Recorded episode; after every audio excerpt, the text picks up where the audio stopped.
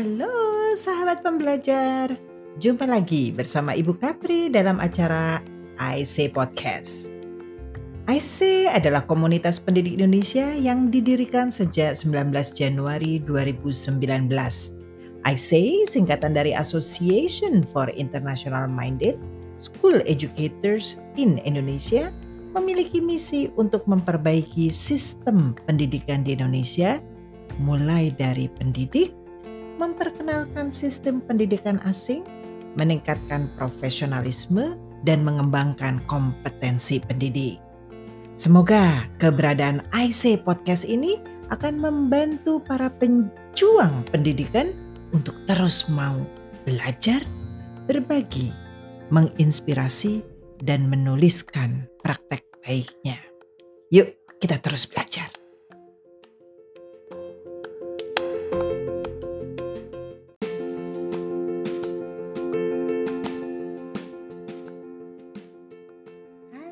Mas Dadan, Mbak Cita. Kita ketemu lagi ngobrol-ngobrol santai dengan IC Podcast.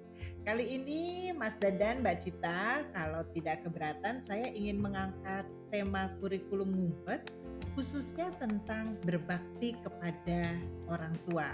Ini kayaknya cocok sekali nih kalau kita bincangkan pada malam hari ini. Gimana ya Mas Dadan, Mbak Cita? Setuju nggak nih? Setuju, setuju Bu. Aduh, seneng banget apalagi berbakti dengan orang tua. Nah, itu saya sebagai parents tuh pingin tahu nih bagaimana sekolah mengajarkan uh, secara tidak langsung mungkin ya uh, kepada anak-anak value-value yang akhirnya bisa dibawa ke rumah. Itu bonus banget buat kita sebagai orang tua. Setuju sekali juga Mbak Cita, karena di sini kan perspektif Mbak Cita sebagai orang tua dan saya sebagai guru, jadi kita balance kan nanti informasinya ya.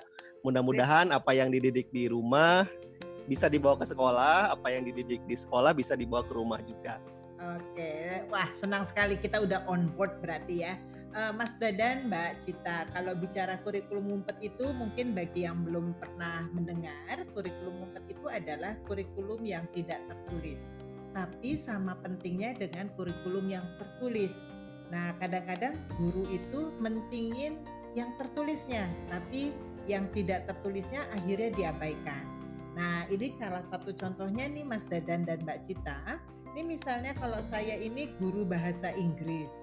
Saya kan biasanya konsentrasinya nih kalau untuk kelas 7 itu ngajarinnya ada ya yang introduction gitu ya. Jadi ngajarinnya ya harus hmm harus cuma ngajarin dalam uh, simple present kalau bicara tensesnya misalnya gitu kan. Nah nanti di akhir uh, semester itu diujikan seperti itu. Nah guru-guru itu biasanya konsentrasinya hanya pada kurikulum yang tertulis itu. Jadi cuma ngajarin aja. Jadi mencurahkan knowledge-nya. Padahal di samping mengajar itu guru-guru harus mendidik yang di mana yang mendidik itu hmm. itu yang kita sebut uh, kurikulum tidak tertulis atau kurikulum ngumpet istilah kami. Nah, salah satunya adalah misalnya uh, berbakti kepada orang tua Mas Dadan sama Mbak Cita. Jadi saya pun guru bahasa Inggris itu bisa mengajarkan berbakti ber, pada orang tua dengan memberikan contoh nyata seperti misalnya kalau saya menyapa pada pagi hari kepada anak-anak saya bilang good morning students atau kalau mau selesai saya bilang goodbye students itu adalah uh, suatu uh, sapaan yang di mana saya juga berharap mereka menjawab. Nah, tanya jawab itu sebetulnya sama halnya kalau diterapkan di rumah nantinya, anak-anak akan terbiasa hormat kepada orang tua, kalau ketemu dia akan menyapa. Nah, itu mungkin contohnya yang kurikulum ngumpet itu. Oke, Mas Dadan, gimana menurut Mas Dadan? Wah, sangat menarik sekali, Bu. Sebagai guru, kadang kita terjebak untuk mengajarkan konten ya, Bu ya, seperti yang Ibu sampaikan tadi. Ya. Jadi bagaimana apa yang sudah ada di dalam kurikulum kita sampaikan kepada uh, siswa kita yang dibentuknya adalah skill yang berhubungan dengan subjek tersebut ternyata ketika tadi mendengarkan paparan dari ibu bisa loh kita menarik konteks atau value yang uh, bisa kita apa namanya kita bangun gitu kan uh, menghormati orang tua di dalam pelajaran kita. Artinya guru di sini memiliki kesempatan yang lebih luas, tidak hanya mengajarkan skill tapi juga mengajarkan value kepada siswa-siswinya. Ya, betul sekali. Saya tuh justru mendengar uh, hal ini paparan dari Bu Kapri, saya jadi teringat dulu uh, kita orang tua kan anak-anak belajar dari rumah awalnya tuh hmm. ya kan? Kita sebagai role model di rumah gitu. Dan ternyata guru kan itu adalah sebenarnya role model di luar rumah. Mereka orang pertama yang anak-anak lihat anak-anak pelajari dan secara nggak langsung itu sebenarnya uh, value-value yang dibawa oleh guru-guru itu yang sangat uh, bisa diikuti oleh anak-anak kita Betul, betul banget Mbak Cita. Jadi sebetulnya kalau guru dan orang tua itu bekerja sama, itu uh, value-value atau nilai-nilai yang tadi seperti berbakti orang tua itu di sekolah bisa juga diterapkan. Nah, cuma kekurangannya kita nih Mas Dadan sekarang ini kalau saya bilang nggak boleh bilang kekurangan ya Mas Dadan, saya bilang tantangan sekolah lokal itu adalah kadang-kadang tidak semua guru melakukan hal yang sama. Jadi misalnya saya guru kelas 6, kebetulan saya punya kepekaan di situ, saya akan uh, konsentrasi. Tapi guru ada yang cuek mungkin. Jadi cuma datang ngajar pulang. Dia tidak peduli anaknya bilang selamat pagi atau bilang goodbye atau bilang terima kasih itu uh, apa namanya? jarang sekali uh, tidak konsisten. Nah, yang begini ini yang mungkin uh, harusnya mungkin ya Pak Dadan ya kalau saya uh, bisa apa ya bisa kasih saran mungkin harusnya membudayakan hal-hal yang baik itu harus dari top down atau dari sekolahnya. Jadi maksudnya adalah mungkin ada baiknya sekolah itu memiliki nilai-nilai apa saja yang dijunjung tinggi sehingga semua guru memastikan menerapkan itu dalam pelajarannya. Oke, uh, dan saya yakin Mas Dadan pengalamannya di sekolah internasional menarik sekali pasti nih. Oke, baik Kapri saya share sedikit ya. Boleh. Jadi uh, melihat apa yang tadi disampaikan oleh Ibu, hmm. memang uh, top down in some points juga memang diperlukan gitu kan. Artinya saya boleh sedikit share ya di sini. Boleh. Ketika sebuah sistem uh, pembentukan karakter itu dibentuk atau kurikulum ngumpet itu dibentuk, mm-hmm. itu kan perlu sinergi gitu kan. Saya berbicara tentang lingkungan sekolah. Artinya mm-hmm. tidak hanya satu atau dua guru tetapi juga dari jajaran administrator, kemudian uh, guru juga, kemudian seluruh staf yang ada atau komunitas yang ada di sekolah. Contohnya ketika kita berbicara tentang menyapa, itu menjadi sebuah uh, program di sekolah saya yaitu di mana uh, administrator atau guru secara bergiliran pagi-pagi itu akan berada di uh, lapangan parkir. Kita okay. akan welcoming siswa yang datang ke sekolah. Menarik. Halo, selamat pagi. Kemudian apa kabar hari ini gitu. Jadi itu sebuah apa ya, menjadi sebuah kebiasaan yang uh, dijadikan sebagai contoh kepada muridnya, kepada siswa. Hmm. Artinya uh, nanti siswa akan melakukan hal yang sama ketika mereka datang ke sekolah. Pergi dari rumah kan ada banyak siswa itu yang yang merasa uh, rumah dan sekolah adalah dunia yang berbeda gitu kan. Nanti Mbak Cita boleh klarifikasi ya dunia yang berbeda gitu kan.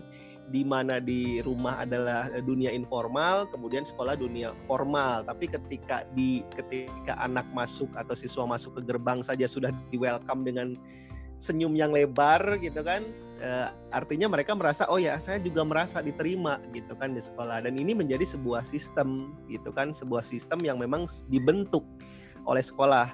Mulai dari pagi siswa itu datang sampai nanti sorenya diantar juga ketika siswa itu uh, pulang ke rumahnya.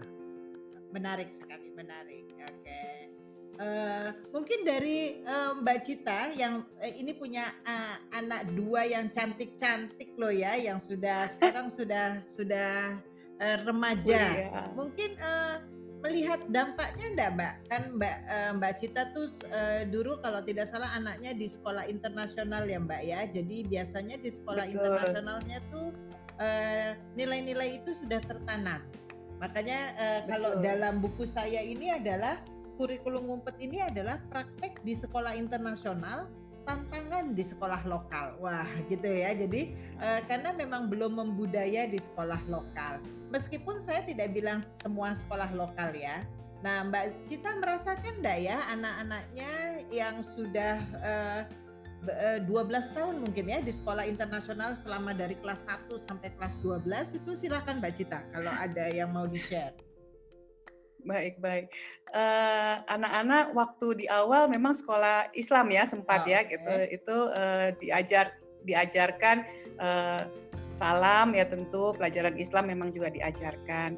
Uh, ketika justru mengikuti dua jenis sekolah jadi semakin kaya ya. Anak-anak kan tetap melihat bagaimana uh, guru itu ber, berperan penting untuk uh, memberi contoh yang baik. Dan alhamdulillah saya sih ngelihatnya dari dari uh, bagaimana mereka pulang ke rumah dan mereka bahagia. Itu yang penting buat saya gitu ya. Lalu itu menunjukkan bahwa ketika dia keluar dari rumah pembelajaran yang di sana sudah didapat pulang pun mereka happy. Itu yang uh, menjadi uh, tolak ukur dan penilaian saya gitu kan. Nah, kemudian ketika mereka bercerita juga bagaimana kegiatan-kegiatannya itu memberi dampak ya. Dampak secara tidak langsung mereka jadi lebih empati lebih uh, percaya diri. Itu menunjukkan bahwa saya sudah memberi uh, yang terbaik buat anak-anak saya diberi kepada sekolah yang sudah mengajarkan value-value itu secara tidak langsung. Dan itu saya berterima kasih sekali dan bersyukur ya uh, mudah-mudahan uh, dengan adanya buku kurikulum ngumpet ini semakin tersebar di mana-mana uh, orang bisa sekolah-sekolah pun bisa mengikuti gitu dan bisa juga membuat apa ya contoh-contoh yang di buku ini sebagai tolak ukur supaya mereka punya standar minimal ya lebih baik lagi. Oke, kira-kira begitu. Mbak Cita udah uh, secara tidak langsung promosiin buku nih ya, padahal kita di sini ah. nggak ah. boleh promosi Mbak. Ini kita oh, bicara. Oh nggak boleh ya? kita bicara kurikulum ngumpetnya itu sendiri. Oke, tapi uh, saya bisa uh, bisa ambil uh, apa ya? Uh, apa dari cerita Mbak Cita berarti itu uh, value atau nilai-nilai yang ditanamkan sekolah uh, meskipun sekecil hanya salam uh, selamat pagi, selamat siang gitu loh ya. Ternyata mampu membuat orang tua merasakan bahwa anak-anak itu uh, telah membudaya. Oke, telah membudaya perasaan-perasaan uh, atau value-value tadi. Nah, saya saya juga mau mengingatkan nih teman-teman, kalau kita mengajarkan suatu value itu memang tadi Mbak Cita bilang harus gurunya sebagai role model. Oke, jadi harus diberi contoh. Nah, yang sudah-sudah adalah uh, guru itu sudah memberi contoh, kemudian sudah mengajarkan, sudah membiasakan. Jadi kan membiasakan tiap pagi tuh. Habis dibiasakan, tapi terus kalau dia tidak konsisten, karena harusnya nanti habis itu dibiasakan untuk konsisten, Mbak. Nah, kalau dia tidak konsisten, ternyata tidak dihukum atau dia yang bagus ternyata uh, itu uh, tidak dipuji. Nah, maksud saya ada uh, hukuman dan pujian itu sebetulnya melatih mereka untuk konsisten. Ya kan? Karena habis konsisten udah bisa bagus, dia akhirnya jadi terbiasa. Begitu dia terbiasa sehingga jadi karakternya. Oke, jadi habis dari karakter sehingga bisa jadi budaya. Nah itu tadi. Jadi kalau di sekolah sudah menerapkan uh, sekolah Mas Dadan sudah menerapkan uh, semua tim administrator baik itu guru setiap pagi udah ada di depan parkir untuk menyapa, itu bagus banget. Nah cuma yang kurang kadang-kadang adalah uh, itu kalau menyapa itu selamat pagi. Terus kalau didiamkan, misalnya anaknya diem aja nggak jawab, itu gurunya tidak menegur Ah, itu yang saya bilang harusnya tidak boleh. Jadi uh, yang nggak menegur, dia akan harusnya sang, sang guru akan mendekati dan akan bilang, excuse me, atau gitu ya. Uh, why didn't you answer? Didn't you hear me? Atau misalnya ya kok nggak dengar kita? Nah, itu tuh adalah sebuah follow up yang dilakukan oleh guru dengan cara yang ramah tentunya sehingga dia tahu oh ada konsekuensi kalau tidak menjawab. Oke. Dan di samping kalau dia menjawab pun misalnya Hai, good morning. Terus dia juga jawab good morning. Ada tambahan how are you? And then ada tambahan uh, not very well. Nah, habis not very well, terus gurunya diem aja. Wah, ini juga jangan karena dia juga harus diberi perhatian setelah itu sehingga anak juga nggak ngerasa oh itu cuma basa-basi aja good morningnya udah terus selesai. Uh, saya rasa di sekolahnya Mas Dadan mungkin nggak terjadi hal seperti ini ya Mas Dadan. Silahkan. Setuju sekali Bu Capri dengan follow follow up itu. Jadi artinya kan di sini kebiasaan yang dibentuk itu supaya mereka juga terbiasa atau uh, atau nantinya tahu di masyarakat pun mereka akan melakukan hal yang sama. Jadi jangan sampai ketika nanti di sekolah tidak ditegur dan dia oh saya tidak apa-apa nih tidak melakukan hal tersebut atau tidak memberi salam atau menjawab dengan ketus misalnya. Dan dia akan melakukan di masyarakat. Nah, fungsinya di sekolah kan ini untuk meluruskan gitu kan, untuk meluruskan. Artinya ini loh yang seharusnya dilakukan. Uh, walaupun tadi Ibu Kapri mengatakan uh, reward and punishment ya, walaupun kata punishment di sini yeah. kadang ada kontroversi gak, nih. Gak boleh bilang punishment ya katanya uh, uh, benar uh, mas. Uh, uh, ya, uh, tapi tadi Bu Kapri mengatakan dilakukan dengan ramah, yeah. tapi dikembalikan ke jalur yang Betul. sebenarnya, yang seharusnya. Itu saya sangat setuju sekali. Artinya anak harus tahu ini yang benar, ini yang kurang benar atau harus diperbaiki. Artinya nanti ketika dia di masyarakat dan di misalnya di diberikan salam oleh uh, misalnya oleh siapa gitu ya, oleh om atau tante itu mereka akan tahu oh saya harus menjawab salam karena itu yang sudah diajarkan di sekolah saya gitu. Nah, ya cakep bener tuh kalau udah sampai menjadi budaya Mas dan Mbak Cita, ini tidak terasa kita udah 15 menit loh. Jadi kita harus undur diri. Jadi semoga nanti teman-teman yang ingin mendengarkan uh, tentang apa saja yang ada di kurikulum ngumpet bisa terus uh, stay tune. Waduh, kayak stay tune di uh, eh, IC Podcast ya. Oke, begitu Mas Dadan, Mbak Cita, ada kata-kata terakhir yang mau disampaikan sebelum saya tutup? Silahkan.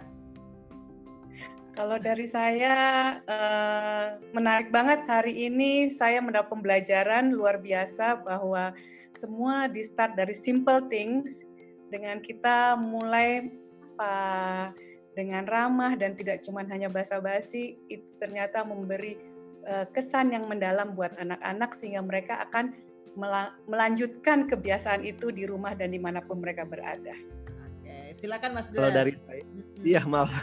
kalau kalau dari saya melihatnya tadi apa yang dikatakan oleh Bu Kapri, bagaimana sebuah budaya itu dibentuknya tidak oleh satu orang atau dua orang, tapi perlu dibentuk secara sinergi dari orang tua dan guru, bukan hanya guru malah komunitas sekolah gitu kan, dan diperlukan sebuah konsistensi supaya menjadi sebuah kebiasaan yang nantinya tidak hanya terbentuk pada saat hari ini saja tapi bisa dibawa oleh siswa tersebut di masa sekarang dan masa depan.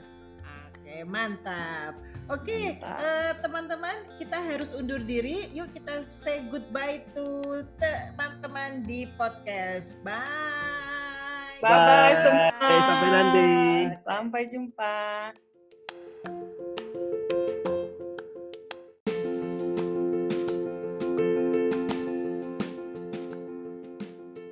Wow, tidak terasa kita sudah di penghujung acara. Terima kasih sahabat pembelajar yang sudah setia mendengarkan IC Podcast. Jika teman-teman mendapat manfaat dari acara ini, silakan bergabung dalam komunitas pendidik Indonesia IC. IC selalu mendukung semua anggotanya untuk menjadi pembelajar seumur hidup, selalu ingin berbagi, selalu menginspirasi, dan selalu menulis untuk meninggalkan warisan ilmunya. Terima kasih, sampai jumpa pada acara IC Podcast selanjutnya.